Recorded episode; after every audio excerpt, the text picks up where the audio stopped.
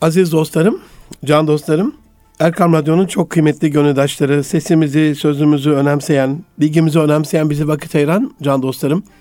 Hepinizi Erkam Radyo Çamlıca Külliyesi'nden sevgiyle, saygıyla, duayla, muhabbetle, hürmetle selamlıyorum.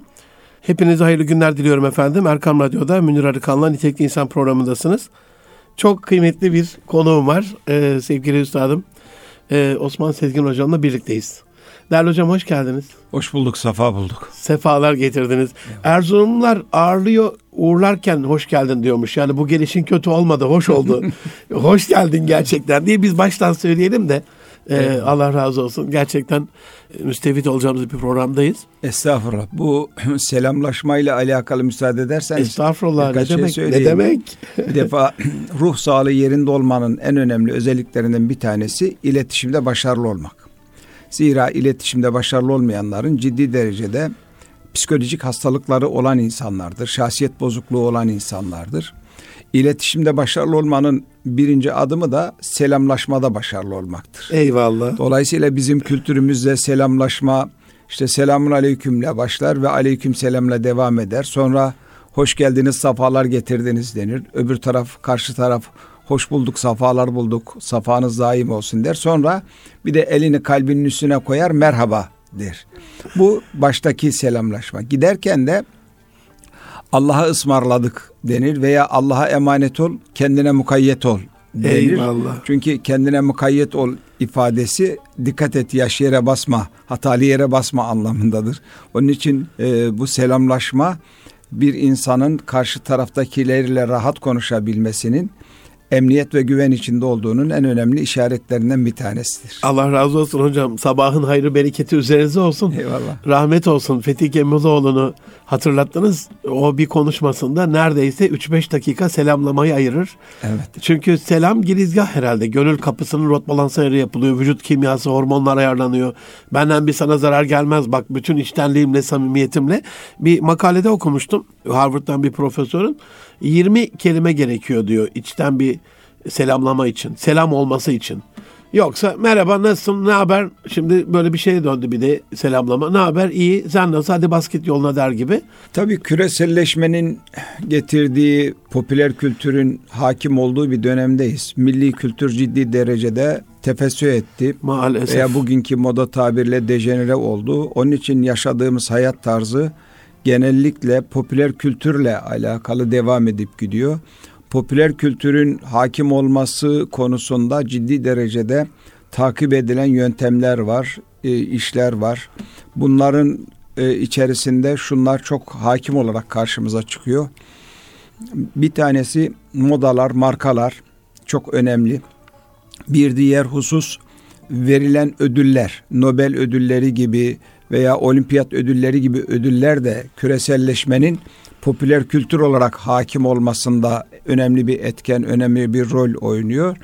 Bunun yanı sıra çok daha önemli bir husus var. Popüler kültürün hakim olmasında, küresel kültürün popüler kültür halinde hakim olup milli kültürü perişan etmesinde akademisyenler. Çünkü A'dan Z'ye kadar her alanda bugün Türkiye'de çalışan üniversitedeki akademisyenlerin tamamı metodolojik açıdan ve ontolojik açıdan batıyı takip etmek zorunda. Onları takip etmezse yaptığı bilimsel değil.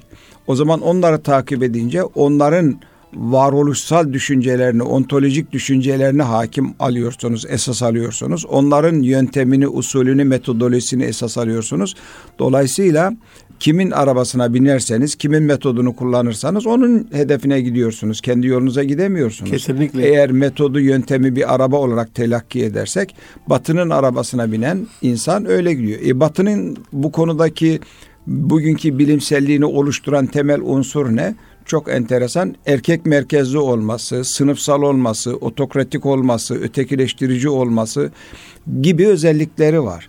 Bunun yanı sıra yine bunlara ilave olarak bir de e, kendilerinin oluşturdukları o ontoloji tam anlamıyla yaratılışsal yapıya ters bir Kesinlikle. tepkiden çıkıyor. Onların da meşru zeminleri var. Yani onları da makul görecek zeminlerimiz var. Ama Batı ifrat ve tefrit konusunda daima ileri gitmiştir. Paradigma ve kuram konusunda bir fırtına estirmişlerdir. Bir enflasyon vardır.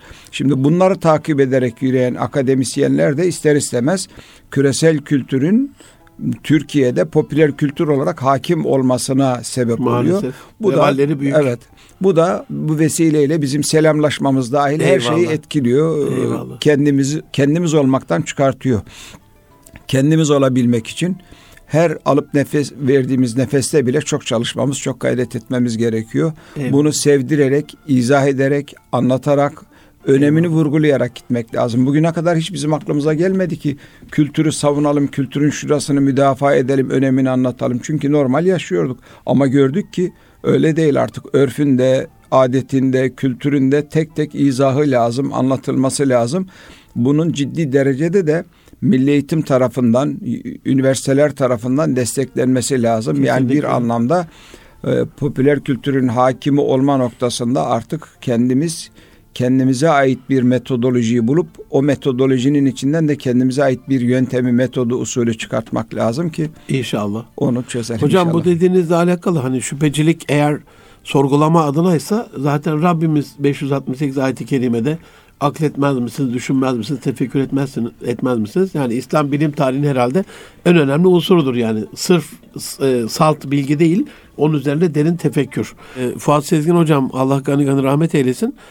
Batıya ilim öğreten bir adamdır e, nezdimde bilimin namusu adına çok değerli çalışmalar vardır. Hadis ilmini bilimin namusu ekberi olarak kabul eder. Yani Batı der eğer bilim tarihiyle alakalı böyle bir akademik metodolojik bir şey yapacaksa hadis ilmine bir baksa oradaki hassasiyeti e, bilmiyorum katılır mısınız hadis ilminin metodolojisinde? Elbette yani oradaki bütün nitelikler bugün iletişim psikolojisindeki dolaylı iletişimde aranan temel nitelikler olarak karşımıza çıkıyor Eyvallah. ve onları anlatıyorlar. Eyvallah. Zaten onun için Hazreti Muhammed ve hadis-i şerifleri tahfif etme gayretleri var ülkemizde. Bunlar buradan bir ilham alır da bir yere gidebilir endişesiyle. Eyvallah. Hocam girizgah çok güzel oldu. Allah razı olsun. İyi ki varsınız. Allah var etsin. Eyvallah, Rabbim muinimiz olsun hep beraber.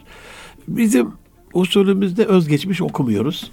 Ama gönlünüzdeki Osman'ı sormak isterim yani. Kimdir e, içinizdeki Osman'ınız? Ne yapar, ne eder? Um, Neyle iştigal eder? Eyvallah. Ee, ben Yozgatlıyım. Evliyim. Üç çocuk babasıyım. Maşallah.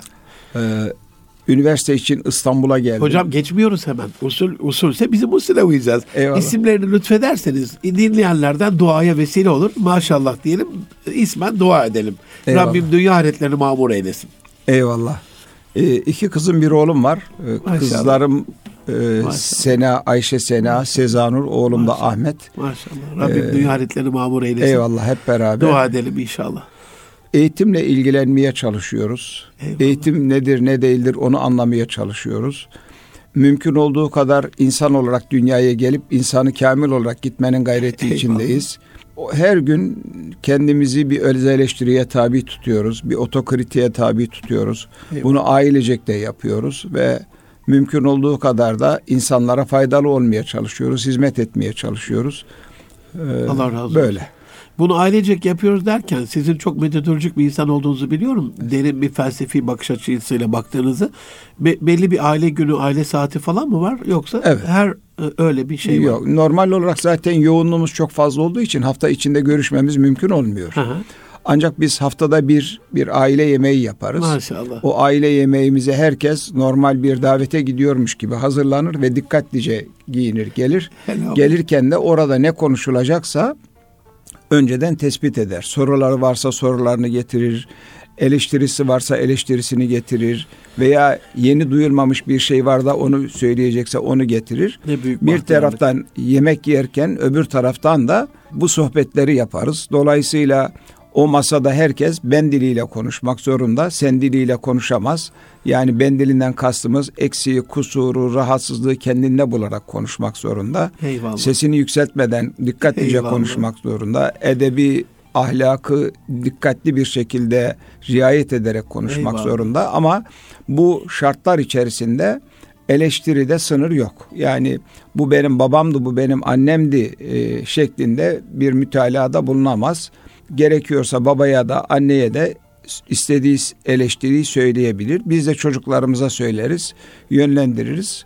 Bu kendi aile içindeki öz eleştirimiz bittikten sonra ondan sonra ülke meselelerinden, dünya meselelerinden konuşuruz. Maşallah. Sonra bir de gelecekle alakalı, gelecekte nerede, nasıl olabiliriz?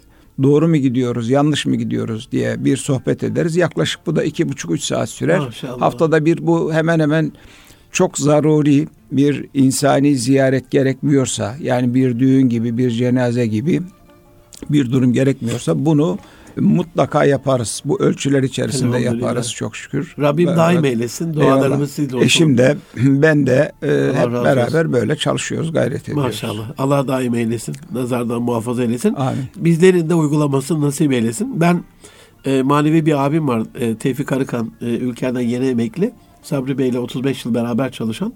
O da Nideli hocam. E, her yıl ve aile çok geniş. Yani e, o, o Nideli Arıkanlar dünyanın değişik yerlerinde yılda bir kere iki elin kan da olsa atlayıp geleceksin. Yani o Harika. aile meclisine gün boyu bir meclis yapıyorlar. Karadenizlerin bunu çok iyi yaptığını biliyordum. Yozgat'tan da güzel bir örnek. İhya ettik. Eyvallah. İhya ettiniz. Allah razı olsun. Hocam buradan yavaş yavaş eğitime gelecek olsam. Asıl soruyu soracağım ama eğitim felsefesi olarak. Önce zihninizde Osman Sezgin'in e, eğitime baktığında bir numarada ehem olarak, e, mühim olarak neyi görür? Mesela okul mudur? Şimdi güzel binalar yapılıyor böyle şatafatlı. Servis aracı mıdır? Öğretmen midir? Öğrenci midir? E, oradaki müfredat mıdır? Kitaplar mıdır? Onların kalitesi midir? Tablet midir? E, çevre midir? Medya mıdır? E, hükümet ve bakanlık adına bakanlık mıdır? E, yoksa eğitim felsefesi midir? Yani bir eğitim sistemi içerisinde sizce en önemli unsur nedir hocam?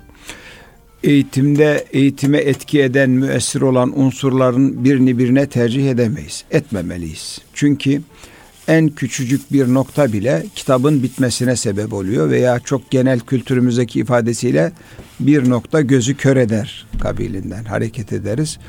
Ee, veya bin gram bir çok tertemiz pırıl pırıl sütümüz olsa içine bir gram pislik karısa o bin gramı götürür. Onun için Eyvallah. birini birine tercih etmeyiz. Fakat gerek ülkenin, gerek devletin, gerek rejimin, gerekse hükümetin ve gerekse ailelerin mutlaka bir eğitim felsefesi olması lazım.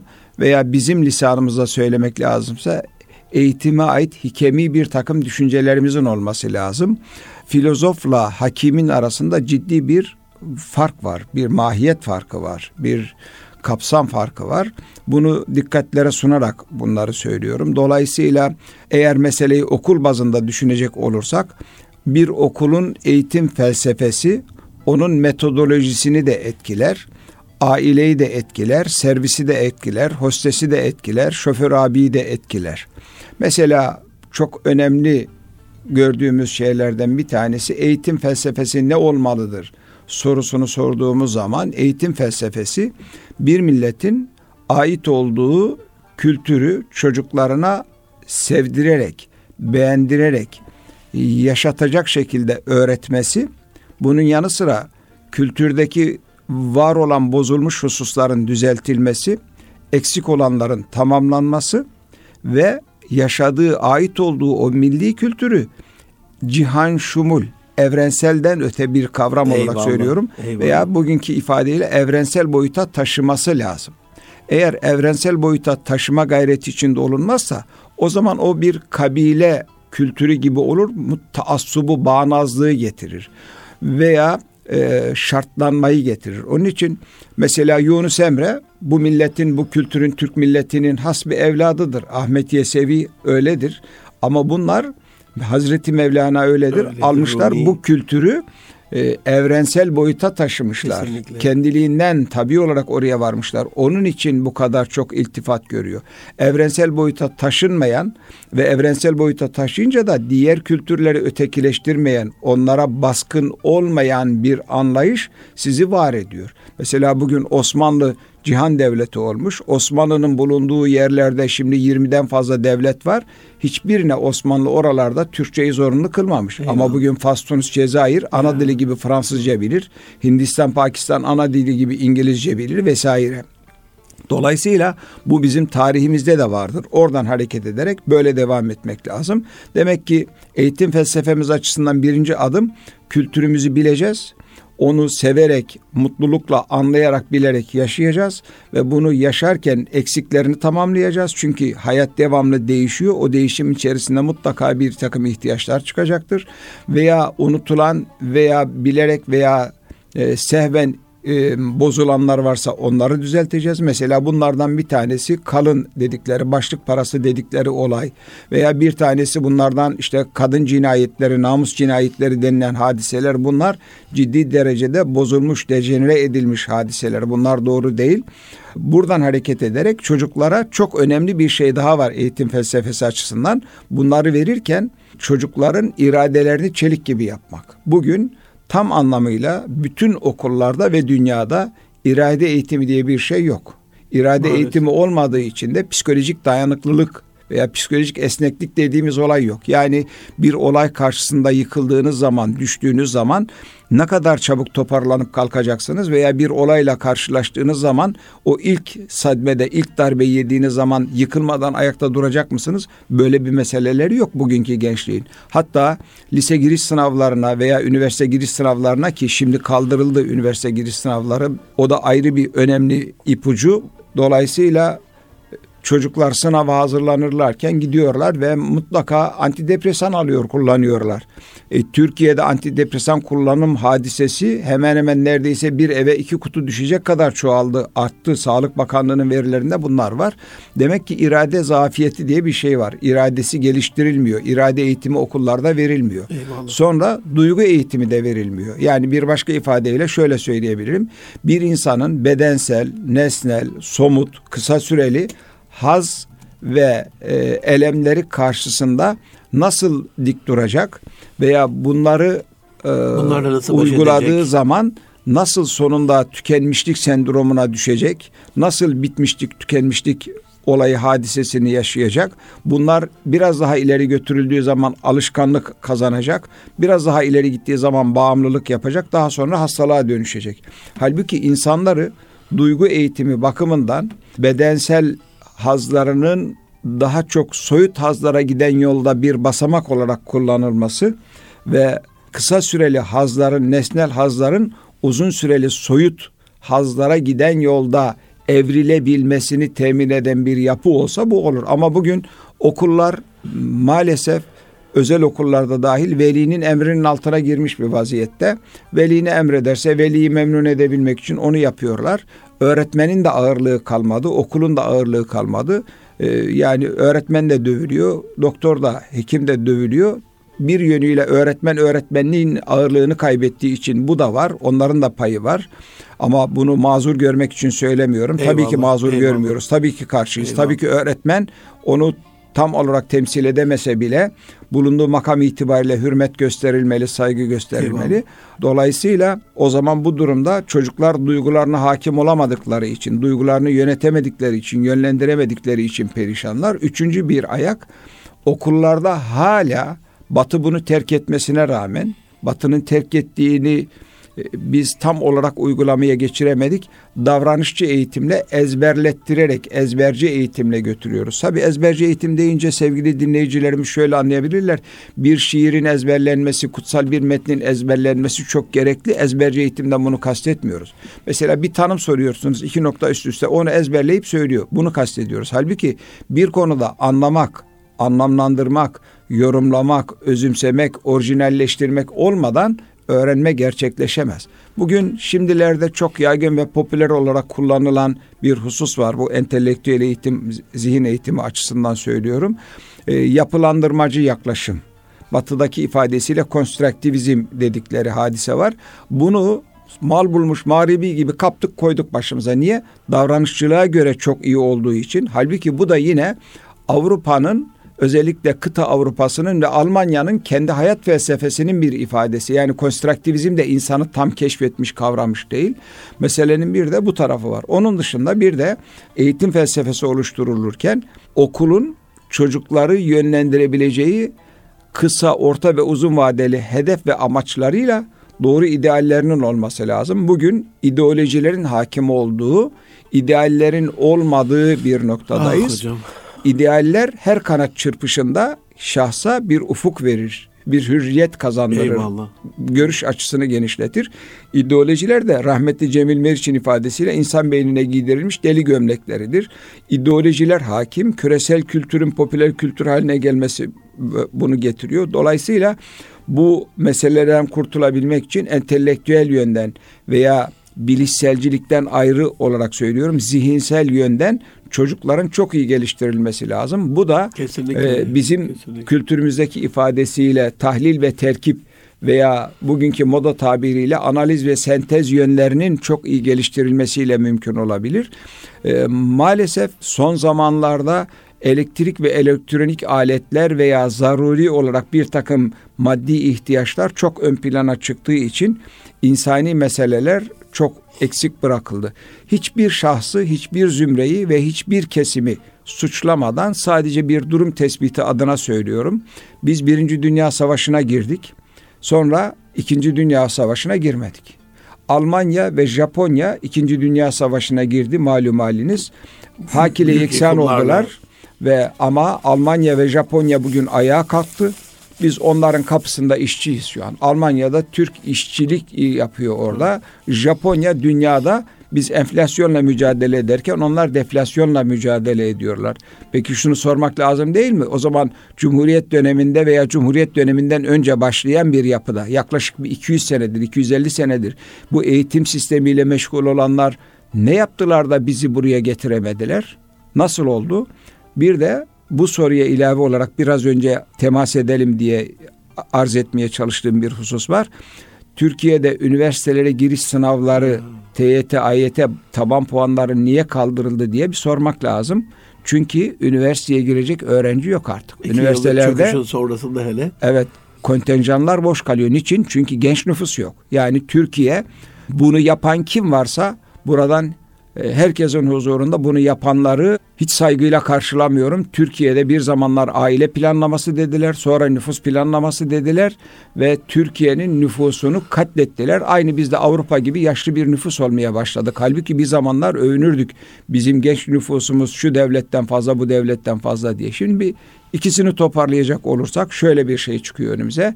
Bir taraftan insanların kendilerini tanımaları, kendilerini bilmeleri, kültürlerini bilmeleri, hedeflerini, amaçlarını bilmeleri, olaylar karşısında dimdik ayakta durabilmeleri konusunda eksiklikleri olduğu gibi öbür taraftan genç nüfusun artması ve gelişmesi konusunda ciddi derecede büyük hatalar yapılmıştır, inkıtaya uğranmıştır.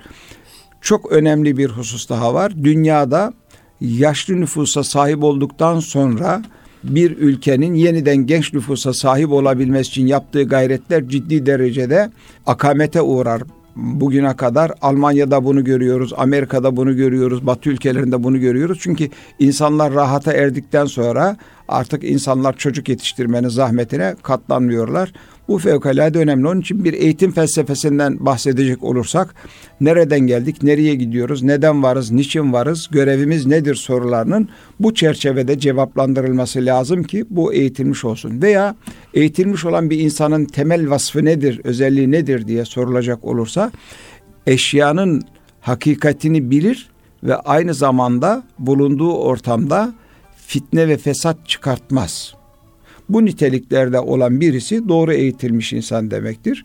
Eşyanın hakikatini bilmiyorsa, onların üzerinde konuşmuyorsa, neyin nerede nasıl olacağını bilmiyorsa ve kendi egosu adına toplumda kan döküyor ve fesat çıkarıyorsa o eğitilmemiş insandır. E, bugünkü yapıda nerede eğitim var diye insanın sorası geliyor ama şartlar ne kadar zor olursa böyle bir karamsar tablo çizip sevgili dinleyicilerimizin gönlünü karartmış olmayalım. Şöyle bir cümleyle bu bölümü tamamlayalım. Şartların zorluğu başarının büyüklüğünü getirecektir. Dolayısıyla inşallah, inşallah. şartların zorluğu bizi karamsar yapamaz, pesimist yapamaz. Başarının büyüklüğünü getirecek aynı Seyit Onbaşı gibi. Eyvallah, Seyit Onbaşı o şu zor şartlarda olmasaydı Eyvallah. şimdi hatırlanmazdı Eyvallah. sevgili dinleyicilerimiz. Hocam e, bu bahsettiğiniz konuda hani bunu 15-20 yıllık bir şeye ya da 50 yıllık 100 yıllık değil siz bunu 250 yıldan aldınız. Evet. Çok önemsiyorum bunu. Çünkü zihinsel e, kaymalar öyle oldu. E, bu din bizi kurtarır mı? Kur'an bize yeter mi? Bu hadis-i şerifle olur mu? Yoksa Batı olduğu gibi mukallit, taklitle bir şey mi? Zihinler yani 250 yıldır karışık. Bu noktada siz Milli Eğitim Şuralarına falan da katılıyorsunuz. Hani falan derken küçülterek söylemeyeyim. E, en zirvedeki e, şeydir, toplantısıdır herhalde eğitim camiasının. Orada da kafalar karışık mı? Ne görüyorsunuz oraya gittiğinizde? Ee, sadece şura olarak görmeyelim. Şöyle ifade edelim. Bir milletin beyni demek o milletin münevveri demek Eyvallah. veya aydını demek Eyvallah. veya moda tabirle entelektüeli demek. Dolayısıyla bugün Türkiye'de bir entelektüellerin varlığı, münevverlerin varlığı tartışılır. Var mıdır, yok mudur diye oturur tartışırız. Ya ne yapalım hiç olmazsa işte koyunun olmadığı yerde keçi Abdülkerim Çelebi derler kabilinden var olanları kabul edecek olursak var olanlar da Batı metodolojisiyle düşünmeye alıştırıldığından onun dışında hiçbir bilim kabul edilmediğinden, söylenenin bilim olarak kabul edilmediğinden söylediği bizim işimize yarar mı, yaramaz mı? Mesela buradan sevgili dinleyicilerimizle bir şeyi paylaşalım.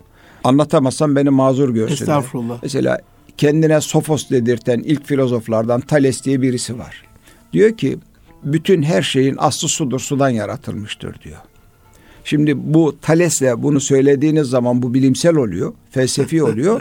Ama geliyorsunuz Müslümanların kutsal kitabı Kur'an-ı Kerim'de yüce yaratıcı ben her şeyi sudan yarattım buyuruyor ve benim arşım suyun üstündedir buyuruyor. Şimdi bunu söylerseniz bu o zaman bilimsel olmuyor. Bu nasıl bir şey? Bu hangi bir zihniyetin ifadesi? Sevgili dinleyicilerimize bu arada bir de gönüllerine inşirah versin. Bu Allah razı olsun. suyun yaratıl suda her şeyin sudan yaratılması ile ilgili şöyle bir e, beyit aklımda. İçmeyince ölürüz her demmey ve cealna minel ma'i külle şeyin hay diye bunu şiirleştirmiş ecdadımız. Onun için biz kendimize gelip illa batının söylediğinin bilim olduğunu söylemek yerine onlardan daha mükemmel bir metodoloji geliştirmek lazım. O metodolojinin içinde şu mu üstün bu mu üstün diye tartışıp onları kavga ettirmek yerine her metodolojiyi olması gerektiği yerde kullanarak işimize bakıp hedefe hızlıca varabilmemiz lazım. Kısacası Eyvallah. biraz kusura bakmayın beceremedim derleyip hocam, toparlamayı. Estağfurullah. Türkiye'de aydın denilen insanların, münevver denilen insanların ya e, kafası karışık, net bu anlamda gerçek manada bir münevver bulmak çok zor. Mesela bu konuda kimlerden bahsedilebilir? Oktay Sinanoğlu'ndan bahsedilebilir. Ruhu şad olsun. Amin. Ee, tabii çok çileler çektikten sonra belli bir noktaya gelmiş. Sonra Erol Güngör'den bahsedilebilir. Eyvallah. Halil İnalcık'tan bahsedilebilir. Sizin söylediğiniz gibi Fuat Sezgin'den bahsedilebilir. Tabi bunların geçmişi de var. Yani Nurettin Topçuları, eh, Cemil Meriçleri falan da sayabiliriz. Ama netice itibariyle bunlar çok önemli hizmetler yaptılar, gayrette bulundular ama meseleyi sistemleştirip ülkede bunu müesses hale getirip okullarda uygulanacak bir durumumuz yok. Biz hala okullarımızda maalesef e, Batı metodolojisiyle, Batı bilimiyle bilim yapmaya devam ettiğimiz için bu gayretler gönlümüze bir ferahlık veriyor. Biraz da hamasi hoşumuza gidiyor ama hala okullar bu anlamda milli bir üslupta değiller. Hocam tam bu noktada e, geçen hafta e, uluslararası medyada çok ses getiren ama bizde herkesin körler sağırları oynadı. Darwin'in bilimsel hırsızlığını, sahtekarlığını meğersem çalmış yani o teoriyi değiştirerek kendine ait değilmiş. Şöyle bir şey oluyor. Bizim kültürümüze, kadim değerimize uyan e, Müslüman, mütefekkir, aydın, münevver nasıl derseniz artık ya da böyle sade bir insan bir küçük bir hata yaptığında tamamen siliniyor müktesebatıyla, her şeyiyle bir yere gidemiyor, bir yerde konuşma yapamıyor, eserleri bir üniversite bir tamamen bitiyor ama onların böyle peşe sıra gittiği, onların markalaştırdığı bir şeyin her türlü hata yapmasına rağmen hiç sanki hatasızmış gibi. Yani e, hala müfredatta, hala e, basında, hala medyada bu konudaki yorumunuzu merak o ediyorum. O bizde böyle. Batı'da öyle değil. Değil mi? Bizde böyle. Batı'da mesela Edgar Morin diye bir insan var. Baksınlar o kadar ciddi eleştiriler yapıyor ki harika. Yani Batı'nın bu konudaki öz eleştiri yapan insanları çok güzel var. İşte mesela Thomas Kuhn çıkarttıkları paradigmaları ve kuramları diyor ki bir, birisinin ayağa kalkabilmek için öbürüne der ki diyor sen efsanesin der, sen sihirsin, büyüsün der diyor. Birbirlerine hakaret ederler. Onlar bu söylediklerinizi batıda bunların miadı dolmuş bitmiş hiç konuşan yok adını anan yok. Bu bizim gibi geri kalmış veya geri kalmış demeyeyim tam anlamıyla üçüncü dünya ülkeleri veya çoğul ülkelerde aşağılık kompleksinin verdiği bir yapıyla Maalesef. onlara yakın durursak kendimizi kabul ettireceğimiz için söylediğimiz şeyler. Batı'da kimse Darwin'den bahsetmiyor, Freud'den bahsetmiyor, psikanalitikten bahsetmiyor. Hatta bunların işte yeni psikanalitikçileri var, yeni Darwincileri var falan. Kendilerini geliştiriyorlar. Onlarda böyle bir mesele yok. O mesele bizim gibi çoğu ülkelerde, üçüncü dünya ülkelerinde var.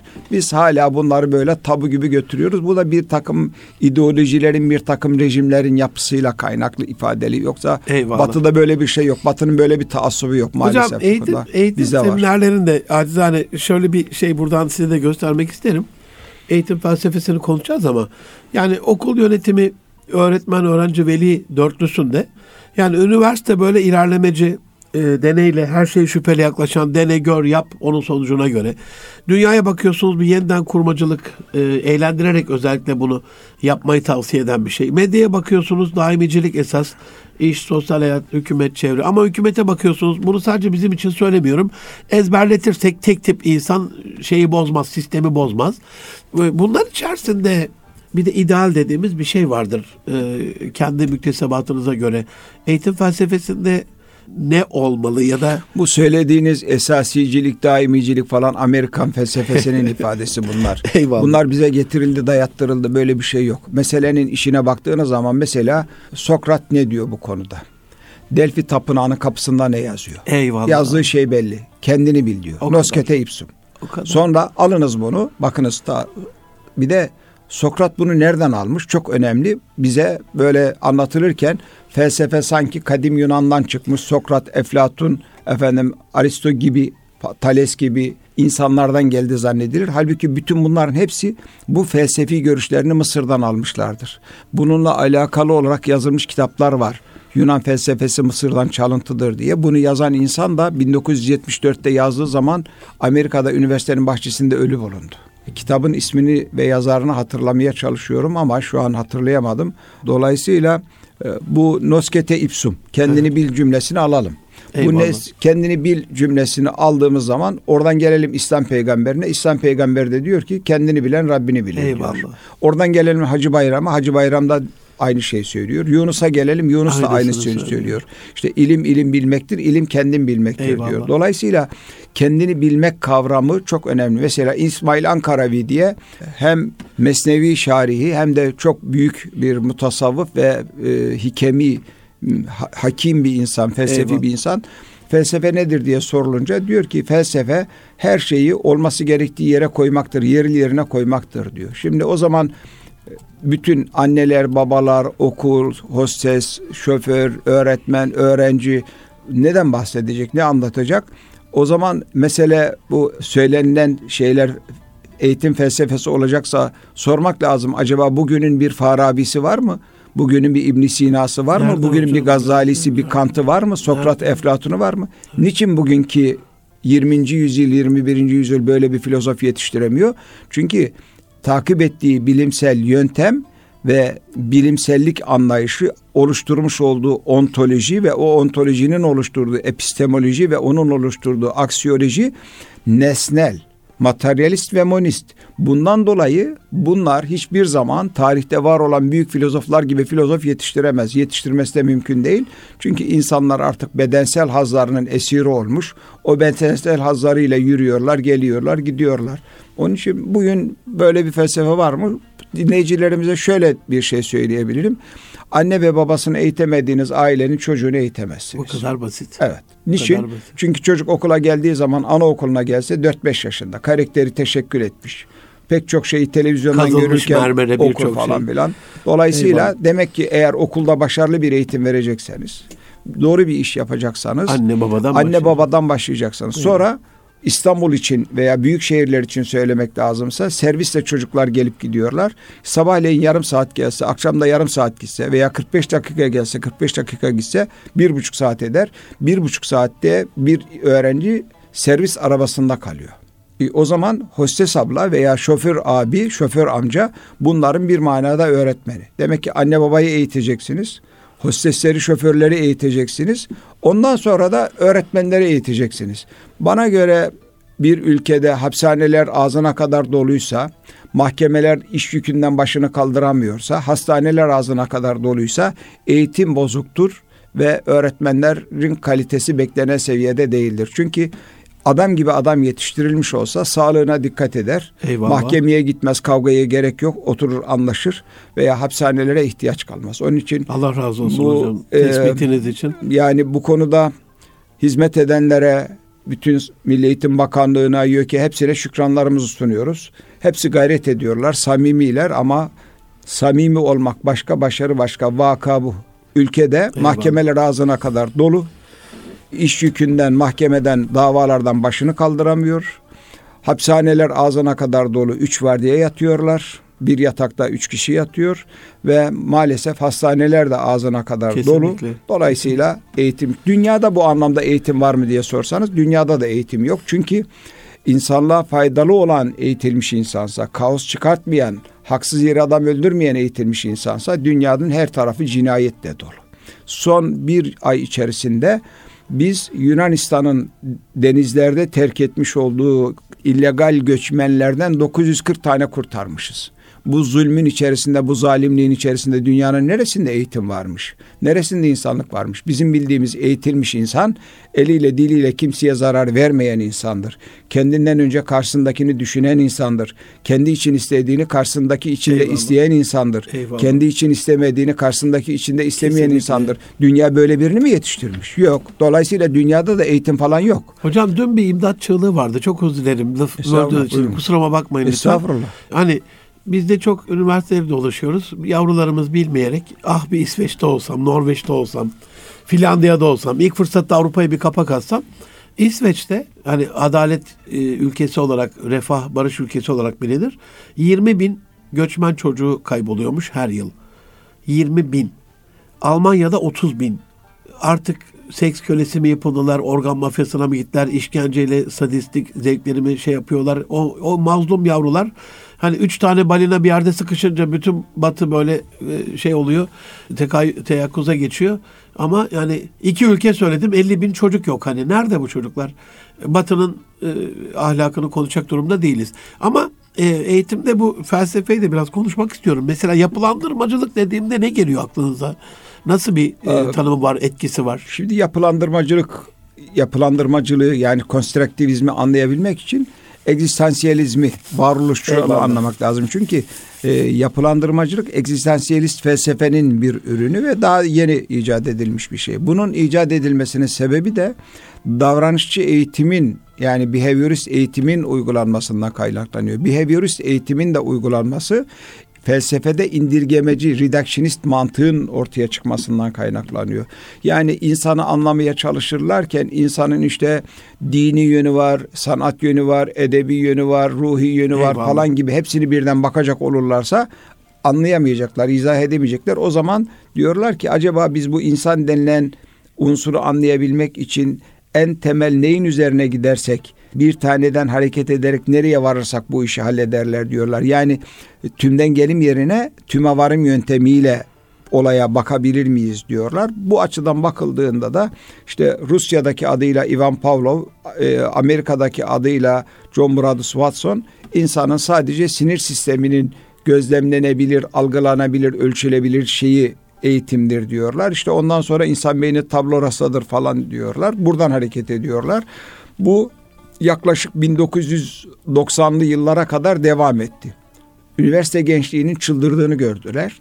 Üniversite gençliğinin ve dünyanın çıldırdığını, psikolojik rahatsızlıkların, hastalıkların has safhada arttığını gördüler. Hatta bir parantez cümlesi Avrupa'da 400 üniversite gen rektörü, 400 üniversite rektörü bir araya geldi. Üniversite gençliği insan olmaktan çıktı. Ya. Psikolojik bunalımdalar. Dolayısıyla bunu iyi edebilmek için ne yapalım dediler. Topluma hizmet uygulamaları diye bir ders koyalım dediler. Topluma hizmet uygulamaları dersi koydular. Biz de oradan aldık uygulamaya başladık. Dolayısıyla insanı sadece sinir sisteminin gözlemlenebilir, ölçülebilir yapısını insan olarak görüp algılayınca insanın diğer yönlerini ihmal edince insan insan olmaktan çıktı. Sonra baktılar ki bu dünya felaketini getiriyor, insanlığı felakete götürüyor. Bunun için dediler ki o zaman egzistansiyelist varoluşçu yapının içerisinden biz kendimize göre bir şey alalım, insanı merkeze koyalım dediler. O da işte bizim bildiğimiz yapılandırmacı, konstruktivist yöntem dediğimiz yöntem gündeme geldi. E şimdi eskiden öğretmen öndeydi diyorlar. İşte öğretmen merkezi ders anlatılıyordu. Şimdi öğrenci merkezi ders anlatılacak. İşte öğrenci esas olacak. Öğrenciye öğretmen rol model olacak. İyi de yine insana tarif etmiyorsun ki sen ortaya koymuyorsun ki. Sadece o insana neyi öğretmenin daha güzel olacağını veya neyi daha güzel öğreteceğini söylüyorsun. Yani şartlandırmanın bir başka şeklini yapıyorsun sen.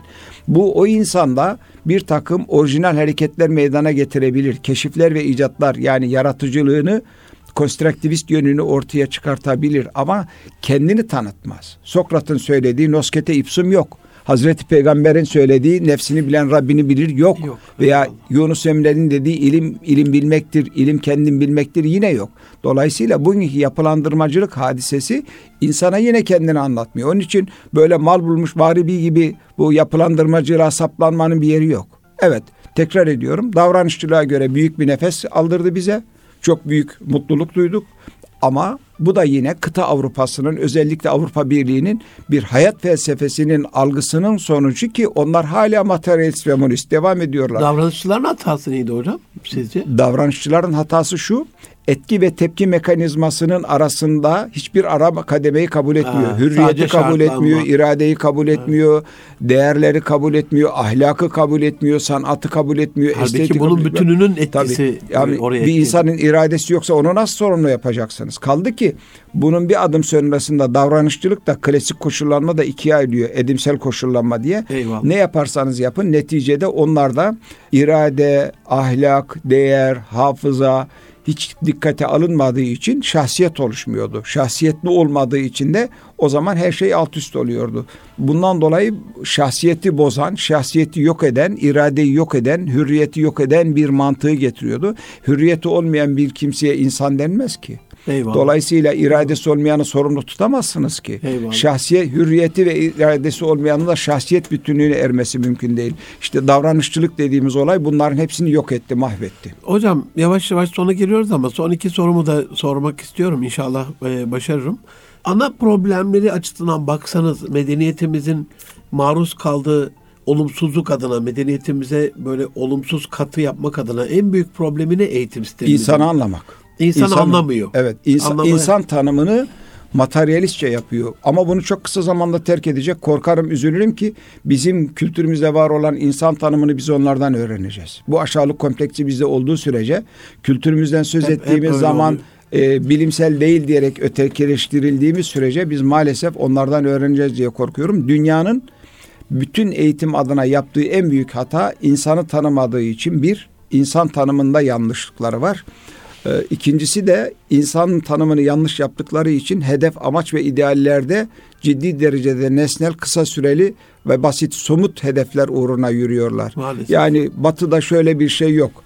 Bir insanın şöhreti yoksa, bir insanın yetkisi yoksa, bir insanın serveti yoksa o insan ne kadar erdemli olursa olsun toplumda bir yeri yok bunun dünyada hakim olduğu zaman eğitim var demektir. Yani bir insanın serveti olmasa da, şöhreti olmasa da, yetkisi olmasa da erdemliyse, faziletliyse toplumda baş tacı edildiği gün eğitim vardır ve eğitim meselesi çözülmüştür Mevlüt demektir. Dana'yı anlasınlar diyorsunuz. Yani. Evet.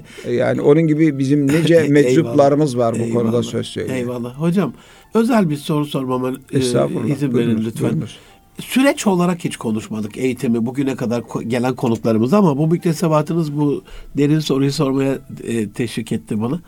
4 artı 4 artı 4 işte hazırlığı var. 12, 14 diyelim. 4 yıl üniversitesi var. Yani 20 yıllık bir süreç. Zaman olarak baktığınızda bir kişiyi, bir insanı, insanı kamil yolunda hazırlamak için diyelim en azından hayata. Bu bu süre ile ilgili yorumunuzu merak ediyorum. Bu e, meselenin çok sati, yüzeysel bir meselesi. Meselenin daha doğru tarafı şu, eğitim nerede ve ne zaman başlar sorusu. Eğitimin başlama yeri, eğitimde tedbir safhası demek şartıyla eş seçimiyle başlar. İki, anne ve babanın çocuğumuz olsun dediği andan itibaren temiz ve helal gıda yemesiyle başlar Eyvallah. ve hamilelik dönemiyle devam eder. E, bir insanın kromozomları dediğimiz, spermleri, genleri dediğimiz o hadiselerin yanlış olduğunu görürsek, yanlış organize olduğunu görürsek, yanlış organize olmuş olarak dünyaya gelirse bu insanı nasıl eğiteceksiniz? Meselenin birincisi bu. İkincisi yine çok önemli bir husus. Eğitilemeyecek insan yoktur. Nasıl eğitileceği bilinemeyen insan vardır. Eyvallah. Bu da çok önemli. Eyvallah. Üçüncü bir husus da anaokulundan itibaren eğitim başladığı zaman neye göre eğitimi başlatıyorsunuz? Anaokuluna gelen bir çocuğun bilişsel yapısı nasıl? Sinir sistemi nasıl? Beyinleri nasıl? Sinapsları nasıl acaba? Bunun Korteks, korteksi nasıl? Bununla ilgili batıdaki araştırmaları takip etsek bile bu bize bugünkü anaokulu sistemimizin büyük hatalarla dolu olduğunu söylüyor. Mesela Paris'te, Fransa'da var olan beyin temelli araştırma merkezleri var. Amerika'da araştırma merkezleri var. Bunlardan mesela bir tanesi Oliver Hood, bir tanesi Elizabeth Spelge falan. Bunların hepsini ismini maalesef çok güzel araştırma yapıyorlar. Gıptayla söylüyorum. Ben yapamadığım için maalesef diyorum bunları. Diyorlar ki bunlar işte 6 aylık bebeğin mesela şöyle bir şey söylesem ne dersiniz? 2 aylık bir bebek 1 artı 1'in 2 ettiğini 2 eksi 1'in 1 ettiğini bilir mi desem ne dersiniz? Ya 2 aylık bebek bunu bilir mi dersiniz değil mi? Bilgisayarda göz bebeklerinden hareketleriyle organize olmuşlar, yapmışlar, program geliştirmişler. Çocukların bunu bildiğini söylüyorlar. Ve enteresan 4 yaşına gelen bir çocuğun küçük kas gelişimi dediğimiz olayda antrenmansız olduğu için yazmayı beceremez diyorlar. Yoksa 4 yaşına gelmiş bir çocuk çok rahat okuyup yazabilir diyorlar. Bunu İsviçre yapıyor, Fransa yapıyor. Onun için şu anaokulunda bizim yaptıklarımız çok ayıp şeyler yani. Bu 4 yaşında başlar mı başlamaz mı? Kaldı ki bizim kültürümüz açısından Bedi Besmele törenimiz var. ya. 444 formülümüz var. Yani özümüzü kaybetmişiz. Bizim binlerce yıldır bu 444 formülüyle Bedi Besmele ile bunu anlatmışız ve görmüşüz. Bunların üzerinde çok düşünmek lazım. Onun için İnşallah. bu 4 16 ilkokul, ortaokul, lise 16, 4'te üniversite 20 yıl eğer olması gereken bir şey olsaydı çoktan hallolurdu. Üniversitelerin bugünkü organizasyonu yanlış. Lisede meslek sahibi olunmalı. Ya. Üniversite insanı aydın münevver yetiştirmek için ve mesleğinde ihtisaslaşmak için olmalı. Bir insan üniversiteyi bitiriyor. Mesela tarih bölümü mezun olan bir insan devlet öğretmen olarak atamasa ne iş yapacak alanıyla ilgili? Bomboş. Hiçbir kabiliyeti gelişmeden, bir maharet hüneri gelişmeden Ki yetişiyor. medeniyet tarihinin namus bekçisidir. Tarihçi. Evet. Böyle önemli Sa- bir tarih, edebiyat duruyor. falan Eyvallah, bütün bu eyvallah. alanların hepsi. Onun için Hocam- e, bunlar e, 16-20 yıl çok büyük bir zaman dilimi. Bu 16 yılda öğretilecek şeylerin hepsi 12-13 yılda öğretilir hem de alasıyla öğretilir. Mesela e, ilkokul 4-5-6. sınıftaki derslerin %80'i tekrar. Eyvallah. Bir 3-4 yıl, 4 yıl en azından. Son olarak hocam vaktimizin sonundayız ama e, siz bir de Kalem Vakfı'nın başkanısınız. Kalem okulların kurucusunuz. Siz ne yapıyorsunuz? Öyle bitirelim. Biz 22. yılımızdayız. Elhamdülillah. 22 yıldır Elhamdülillah. da bugüne kadar çok şükür hiç taklit etmedik ama çok taklit edildik. Bununla alakalı olarak Milli Eğitim Bakanlığı Profesör Nabi Avcı döneminde Tataristan Cumhurbaşkanlığı, Amerika'dan bir heyet, Hollanda'dan bir heyet incelemeye geldiler, araştırmaya geldiler. Biz temel felsefe olarak şunu görüyoruz. Olumlu olmak şartıyla Eyvallah. Toplumda var olan her şey bir okulda olmalı. Yani ne demek istiyorum? Toplumda otistik çocuk var mı? Asperger çocuk var mı? Down sendromlu çocuk var mı? Biz bunlara özel çocuklar diyoruz bunlara. Özel oldukları için bizim için çok özel bunlar. Bunlar okulda bulunmalı. Fakir çocuklar bulunmalı, yetim çocuklar bulunmalı, öksüz çocuklar bulunmalı. Şartları, durumları uygun olan aileleri de çocuklarını lüks ve israf içinde getirip götürmemeli. Mesela Eyvallah. e, servise para veremeyecek durumda olan veya servise para vermek istemeyenler hariç hiçbir çocuğun özel şoförle özel arabayla okula gelmesini istemiyorum. Ona izin vermiyorum. Böyle bir şey olamaz. Bu çocuklar bir el yağda bir el balda büyütülemez, yetiştirilemez. Bu Eyvallah. çocuğa yapılacak en büyük ihanettir. Onun için kalemde biz irade eğitimi veriyoruz, duygu eğitimi veriyoruz, entelektüel eğitimi veriyoruz. Sınıfları homojen yapmaya çalışıyoruz. Yani zat halinizle bendeniz ikimiz aynı sınıfta olsak siz lebde benden leblebi anlıyorsunuz. Bendenizle bir şeyi üç kere de anlıyorum. O zaman ikimiz aynı sınıfta olsak size göre ders anlatsa hoca ben dersten koparım ve afacanlık yapmaya başlarım. Bana göre anlatsa yani üç kere de anladığım için üç kere tekrar edecek. Siz o zaman usanırsınız, bıkarsınız ve sizin ömrünüz israf olmuş olur. O zaman biz bir kere de anlayanları bir yere, Üç kere de anlayanları bir yere topluyoruz ama yıl sonunda birini projeyle, birini tabletle aynı noktaya getirmiş oluyoruz. Fakat çok daha önemli olan şey bizim için bilgi vermek kadar edep ve irfan vermek de çok Eyvallah önemli. Hocam. Buna dikkat Eyvallah. etmek lazım. Eyvallah. Bu konuda tavizimiz yok. En büyük hassasiyetimizden bir tanesi de zaman algısını doğru yerleştirebilmek. Herhalde bu çağın en büyük eksikliği. Allah razı olsun. Aziz dostlarım ee, Erkam Radyo'da Münir Arıkan'la Nitek İnsan programının bir tanesini daha elhamdülillah hayırla sonuna geldik. Çok müstefit olduğumuz bir programdı. Osman Sezgin hocamızı ağırladık. İnşallah huzurunuza söz verirse bir daha ağırlamak isteriz efendim. Yine bekleriz. Başımla beraber ee, şeref duyarım. Hayır. Var olun. Çok çok teşekkür ediyorum. Gelecek hafta bir başka konu bir başka konukla görüşmek üzere. Hoşça kalın. Allah'a emanet olun efendim. Eyvallah. Ben de seyircilerimize bizim kendi e, vedamızla vedalaşalım. Eyvallah. Allah'a emanet olun, kendinize mukayyet olun, bastığınız yerlere dikkat edin. Eyvallah. Allah razı olsun. Eyvallah. Çok teşekkür ediyorum.